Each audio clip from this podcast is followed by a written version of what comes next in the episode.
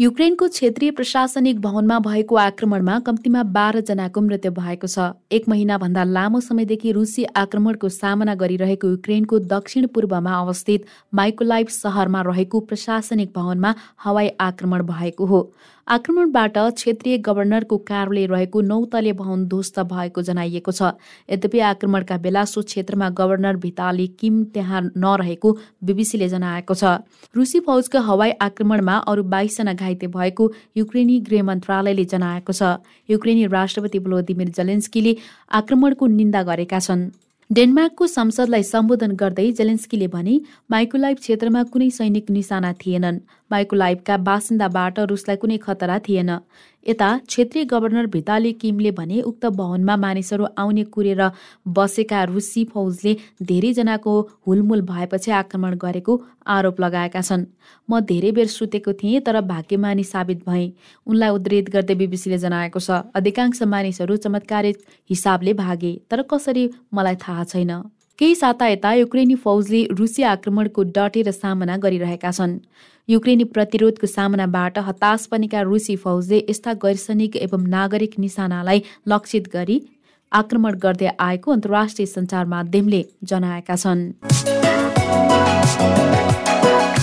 अफ्रिकी मुलुक प्रजातान्त्रिक गणतन्त्र कङ्गोमा हेलिकप्टर दुर्घटना हुँदा आठ शान्ति सेना मारिएका छन्। कङ्गोको पूर्वमा पर्ने उत्तरी किभु प्रान्तमा संयुक्त राष्ट्रसङ्घीय शान्ति मिसनका सैनिक बोकेको हेलिकप्टर दुर्घटनामा परेको हो। हेलिकप्टरमा आठजना सवार रहेको र दुर्घटनामा कोही पनि बाँच्न सफल नभएको बताइएको छ।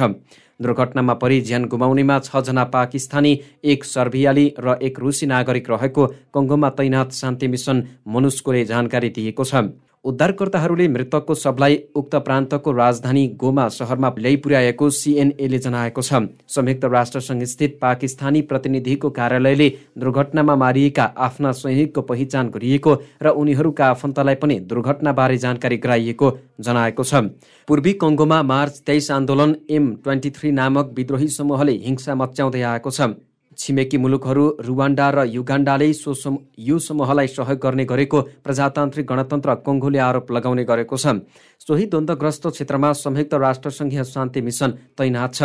यता कङ्गोले सेनाले भने एम ट्वेन्टी थ्री विद्रोहीले संयुक्त राष्ट्रसङ्घको हेलिकप्टर खसालेको आरोप लगाएको छ। यद्यपि हेलिकप्टर दुर्घटना हुनुको कारणबारे अनुसन्धान भइरहेको संयुक्त राष्ट्रसङ्घीय मिसनले जनाएको छ। पाकिस्तानी प्रधानमन्त्री इमरान खान विरुद्धको अविश्वासको प्रस्तावमा आगामी आइतबार अर्थात् अप्रेल तीनमा मतदान हुने भएको छ। आन्तरिक मामिला मन्त्री शेख रसिदले खान विरुद्ध अविश्वासको प्रस्तावमाथि मतदान हुने जानकारी दिएको पाकिस्तानबाट प्रकाशित हुने एक्सप्रेस ट्रिब्युनको अनलाइन संस्करणले जनाएको छ। गत सोमबार पाकिस्तानको तल्लो सदन नेसनल एसेम्ब्लीमा खान विरुद्ध अविश्वासको प्रस्ताव दर्ता गरिएको थियो। एकतिस मार्चमा अविश्वासको प्रस्तावमा बहस हुने र तीन अप्रेलमा मतदान हुने मन्त्री रसिदको भनाइ छ। उनले प्रधानमन्त्री विरुद्धको अविश्वास प्रस्ताव विफल हुने समेत भनाइ राखे। प्रधानमन्त्री खान विरुद्धको अविश्वासको प्रस्तावलाई लिएर पाकिस्तानमा राजनीतिक सङ्कट चुलिएको छ।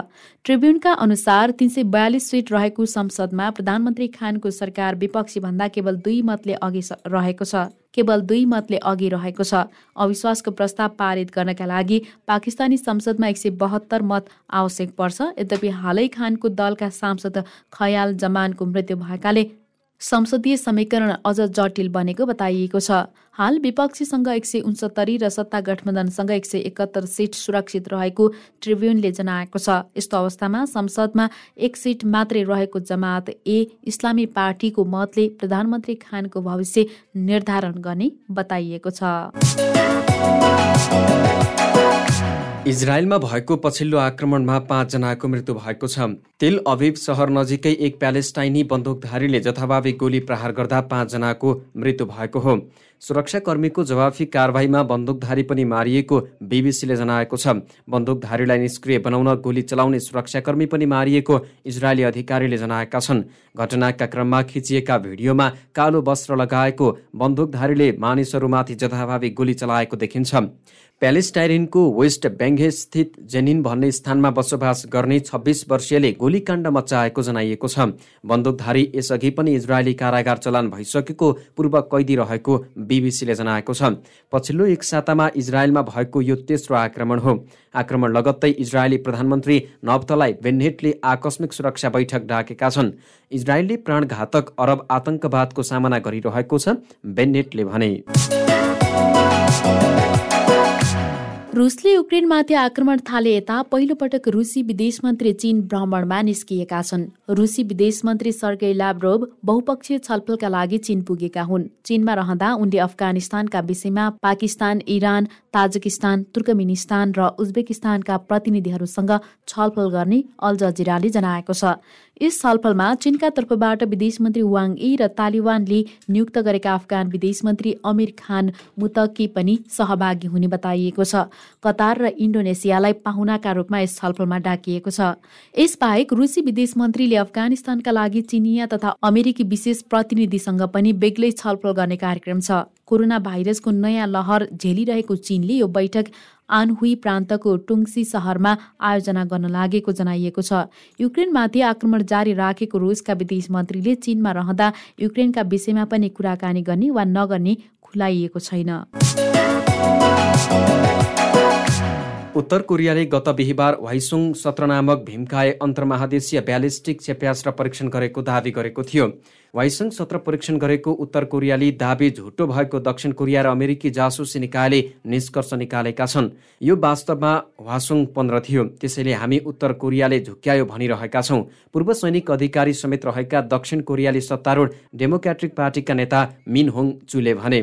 वाइसङ पन्ध्रलाई उत्तर कोरियाले अन्तिम पटक सन् दुई हजार सत्रमा परीक्षण गरेको थियो। यही क्षेप्यास्त्रको अघिल्लो साता पनि असफल परीक्षण भएको बताइएको छ। दक्षिण कोरियाली सेनाले उत्तर कोरियाले क्षेप्यास्त्र परीक्षण गरेको बताउँदै यो क्षेप्यास्त्रले छ हजार किलोमिटरको उचाइमा पुगी एक हजार किलोमिटर टाढा जापानी जलक्षेत्रमा खसेको जनाएको थियो।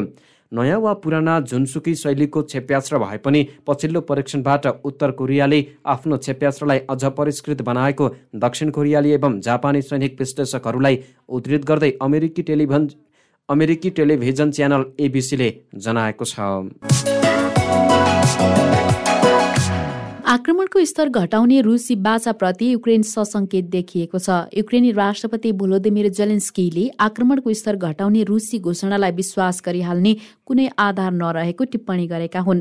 टर्कीको इस्तानबुलमा रुस र युक्रेन बीच प्रत्यक्ष द्विपक्षीय शान्ति वार्ता जारी रहेका बेला रुसी उपरक्षा मन्त्री अलेक्जान्डर फोमिनले राजधानी किप र चेर्निप सहर आसपास रुसले आक्रमणको स्तर व्यापक कमी ल्याउने बताएका थिए। नियमित भिडियो सन्देशका क्रममा जेलेन्स्कीले भने छलफलमा हामीले सुनेका यस्ता संकेतलाई सकारात्मक भन्न सकिन्छ उनले थपे। तर यस्ता संकेतले ठूलो आवाजमा पड्किने रुसी गोलालाई शान्त पार्दैनन्।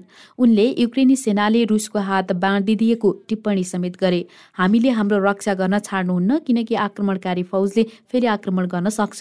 युक्रेनीहरू मूर्ख छैनन् उनले भने। युक्रेनीहरूले विगत चौतिस दिनको आक्रमण र विगत आठ वर्ष डोनबासमा भएको युद्धबाट ठोस नतिजामा मात्रै विश्वास गर्नुपर्छ भन्ने सिकेका छन्। श्रीलङ्कामा बुधबारदेखि दैनिक दस घण्टा विद्युत कटौती हुने भएको छ। समाचार संस्था एएपीका अनुसार देशमा ऊर्जा सङ्कट उत्पन्न भएकाले देशव्यापी विद्युत कटौती दैनिक रूपमा गर्नु परेको अधिकारीहरूले जनाएका छन्। दुई करोड बिस लाख जनसङ्ख्या रहेको दक्षिण एसियाली मुलुक श्रीलङ्कामा आर्थिक सङ्कट चुलिएको छ भने विदेशी मुद्राको अभाव भएको छ। यो आर्थिक सङ्कट सन् उन्नाइस सय अडचालिसमा स्वतन्त्रता पाए यताकै सबैभन्दा नराम्रो रहेको अन्तर्राष्ट्रिय सञ्चार माध्यमले जनाएका छन्।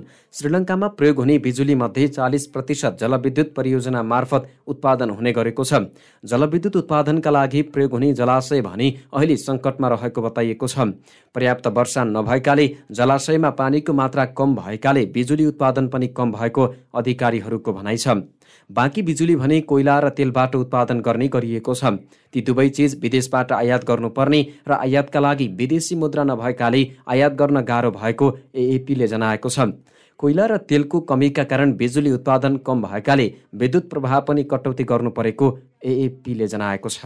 र रुसी आक्रमणका कारण उन्चालिस लाख युक्रेनी अन्य देशमा शरणार्थी बनेको राष्ट्रसङ्घले जनाएको छ। राष्ट्रसङ्घीय शरणार्थी उच्चायुक्तको कार्यालय युएनएचसिआरका अनुसार मङ्गलबारसम्म उन्चालिस लाख युक्रेनीले देश छाडेका छन्। पछिल्ला दिनमा शरणार्थीहरूको दैनिक प्रवाह चालिस हजार छ। देश छोडेका शरणार्थीहरू थकित र निराश महसुस गरेको युएनएचसिआरले जनाएको छ।